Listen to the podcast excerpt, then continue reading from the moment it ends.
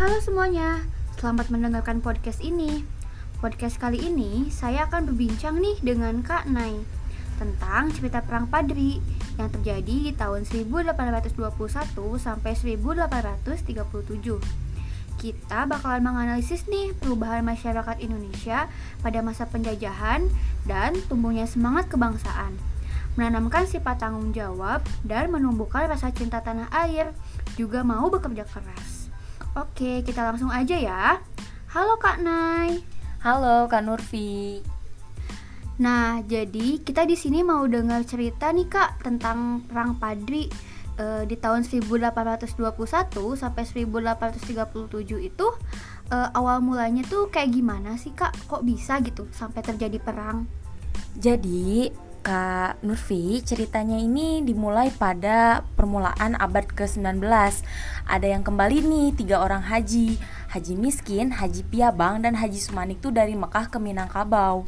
Mereka tuh menganut aliran Wahabi gitu loh. Jadi itu tuh suatu aliran yang ada di agama Islam yang menjalankan ajaran-ajaran agamanya itu secara keras. Mereka tuh sangat kecewa melihat Minangkabau yang e, berantakan gitu, yang mereka tuh lihat banyak um, yang perbuatan-perbuatan terlarang itu merajalela. Mereka tuh kurang menaati ajaran agama dan lebih e, menyukai peraturan-peraturan yang berbau dengan adat, apalagi kaum bangsawan dan juga raja-rajanya. Nah, karena itu mereka tuh disuka disebutnya kaum adat gitu. Jadi orang-orang yang ikut gerakan tiga ulama itu yang tadi melawan kaum adat itu berpakaian putih-putih. Jadi suka disebutnya orang putih ataupun orang padri. Oh, seperti itu ya, Kak.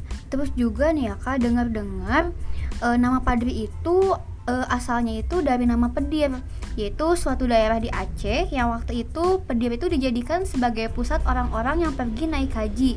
Betul seperti itu, Kak? Nah, iya, bener banget kayak gitu. Jadi, Mulanya Tuanku Nan Receh, kemudian ada Datuk Bendaharo, ada Tuanku Pasaman dan juga ada Malimbasa itu tuh mimpin Padri. Nah, di antara pemimpin-pemimpin yang tadi saya sebutkan itu yang paling terkenal gitu kan ya. E, kita bisa tahu sendiri namanya Tuanku Imam Bonjol. Tuanku Imam Bonjol eh bentar-bentar kalau nggak salah uh, tuanku Imam Bonjol itu uh, pahlawan yang ada di pecahan uang lima ribuan kan sih kak? nah iya itu bener banget. Semenjak itu kedudukan-kedudukan raja dan kaum bangsawan menjadi genting. Di bawah pimpinan Suraso kaum adat melakukan perlawanan. Tapi mereka tuh kehilangan kekuasaan gitu loh kak. Jadi pengaruh mereka bahkan perlawanan mereka tuh dipatahkan sama kaum padri dan banyak di antara mereka tuh diusir dari Minangkabau. Karena nggak terima mereka tuh meminta bantuan sama Raffles pada tahun 1818 yang ada di Bangkahulu atau Bangkulen. Jadi e, mula-mulanya tuh Raffles juga menyanggupi aja gitu loh. Kayak ya udah nanti saya bantu. Tetapi diprotes lah sama pemerintahan Belanda dan juga akhirnya Raffles tuh balik lagi lah ke Padang. Dan uh, sehabis balik lagi ke Padang mendapatkan peringatan dari pusat pemerintahan Inggris. Jadi mengurungkan niatnya gitu buat memberi bantuan. Karena itu kaum adat tuh jadi minta bantuannya sama Belanda. Oh seperti itu ya kak. Terus juga kak dari yang pernah saya baca nih ya kalau nggak salah pada tahun 1800 itu 1800 mohon maaf maksudnya 1821 datanglah tentara Belanda di bawah pimpinan Kolonel Raff yang kemudian e, dapat memukul mundur dari kaum Padri lalu mendirikan benteng Fort van der Kapellen di Batu Sangkar tahun 1800, 1822. Kemudian Jenderal de Kock mendirikan benteng Fort de Kock di Bukit Tinggi. Betulkah seperti itu, Kak? Nah iya itu tuh bener banget ya. Jadi dulu tuh banyak kota-kota besar yang dikuasai Belanda.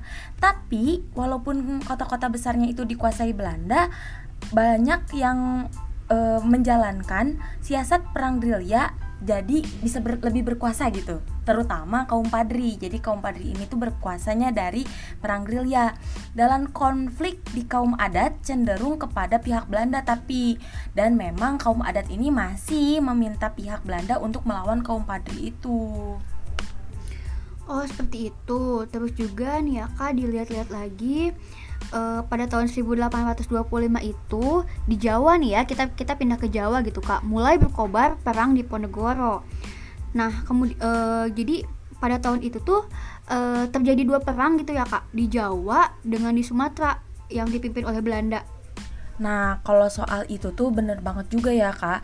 Jadi Belanda tuh udah menilai gitu kalau misalnya perang di Penogoro itu lebih berbahaya dari perang Padri.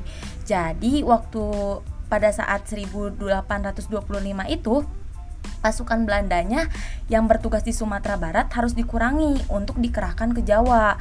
Karena kondisi tersebut, Belanda juga menggunakan taktik berdamai dulu gitu sama pihak padrinya.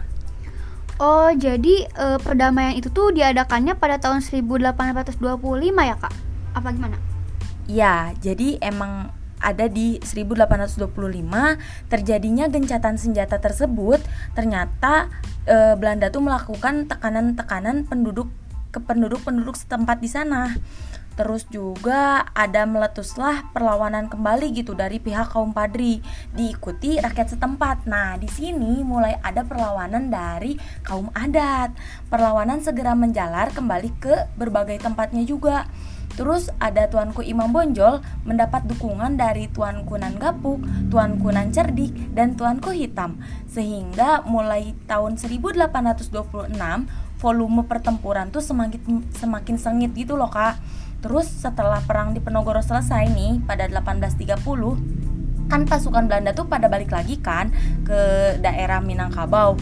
Nah, di Belanda tuh langsung menyerang markas kaum Padri yang ada di Tanjung Alam diseranglah pada tahun 1833 dan Padri pun menyerah misalnya kayak Tuan Kunan Cerdik itu sudah menyerah gitu ya. Nah sejak itu perlawanan-perlawanan dari Belanda itu dipimpinnya sama Tuanku Imam Bonjol. Wah seru banget nih kak. Jadi uh, sejak tahun 1830 itu kaum Padri mendapatkan bantuan dari kaum adat Nah, mereka itu mau bersatu dengan kaum Padri karena ingin pertahankan kemerdekaan mereka dari penjajah Belanda. Karena mereka sadar bahwa pemerintah Belanda bagi mereka adalah rodi, menyediakan keperluan Belanda, pemerasan dan ekspedisi-ekspedisi yang kejam. Yang kejam seperti itu ya, Kak? Iya, tapi sayangnya walaupun telah mendapatkan bantuan dari kaum adat nih, eh, kekuatan kaum Padri itu makin merosot gitu, Kak untuk mempercepat penyelesaian Padri ini sampai Gubernur Jenderal Van den Bosch tuh datang ke Sumatera Barat untuk menyaksikan sendiri loh keadaan di medan perang tuh kayak gimana. Pernyataan itu juga dikeluarkan ada dari gubernur tentang pelakat panjang. Jadi, adanya hak-hak istimewa kepada mereka yang memihak kepada Belanda. Dalam kondisi yang terjepit kayak gitu kan, pihak Belanda mengajak Imam Bonjol untuk berunding. Bukannya berunding, tapi Imam Bonjol ini malah di diulik-ulik gitu sama Belanda biar tahu pertahanan terakhir dari pihak Padri itu kayak gimana dan mengharapkan Imam Bonjol ini untuk menyerahkan diri. Wah, wah, wah, licik banget berarti ya kak. Kalau gitu perundingannya gagal dong. Karena kan pihak Belanda memang telah melakukan persiapan dulu untuk mengepung benteng tersebut. Nah, iya, jadi di sana tuh ada Jenderal Missiles yang memimpin sendiri pengepungan kota Bonjol. Dengan susah payah, kaum Padri itu menghadapi kekuatan musuh yang jauh lebih kuat. Pada akhirnya benteng kaum Padri itu jatuh ke tangan Belanda. Tuanku Imam Bonjol juga dan dengan pasukannya itu pada tanggal 25 Oktober 1837 tuh ditawan. Imam Bonjol tuh dibuang ke Cianjur, lalu dipindahkan juga ke Ambon dan akhirnya dibuang ke Minahasa.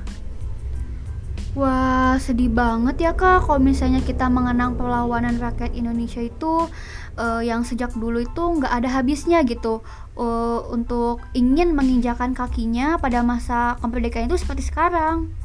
Belum berhenti di situ kan Nurfi. Secara kecil-kecilan pertempuran masih dilakukan sama pemimpin kaum Padri yang lain tuh.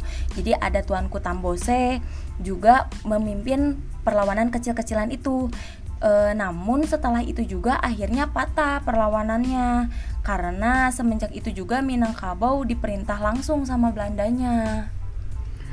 Wah, gak kebayang deh gitu ya kak kalau misalnya saya berada di masa itu e, begitu berharganya ya kak kemerdekaan ini dan memang harus dihargai setinggi-tingginya. Bukannya dinikmati dengan cara yang seenaknya seperti yang menjadi masalah sosial di Indonesia saat ini memang maka dari itu kita tuh harus bisa mengisi kemerdekaan ini dengan hal yang membuat bangga para pahlawan terdahulu juga bersyukur atas segala kenikmatan dan tidak ber, tidak takabur gitu atas nikmat yang mereka uh, beri yang Allah beri uh, untuk pada saat merdeka ini gitu.